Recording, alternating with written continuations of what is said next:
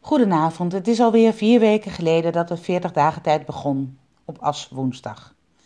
Vandaag komt de dagtekst uit Jesaja 43.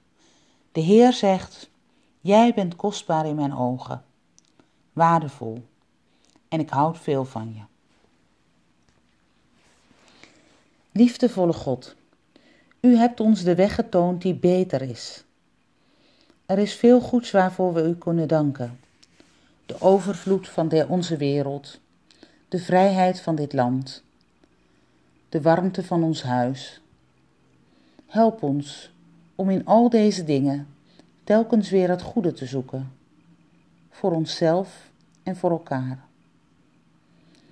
Maar wijs ons daardoor heen een weg die beter is. Wijs ons de weg van liefde. Wijs ons die weg in onze relaties.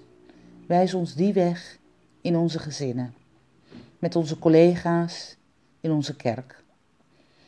Dat we zo gehoor geven aan het grote gebod van de liefde.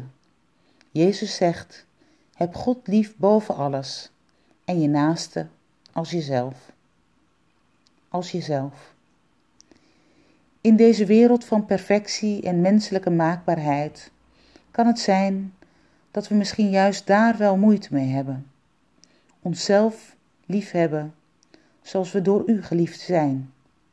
Onszelf accepteren zoals we door u geaccepteerd zijn. Laat door uw geest ons weten dat we geliefde kinderen zijn van u.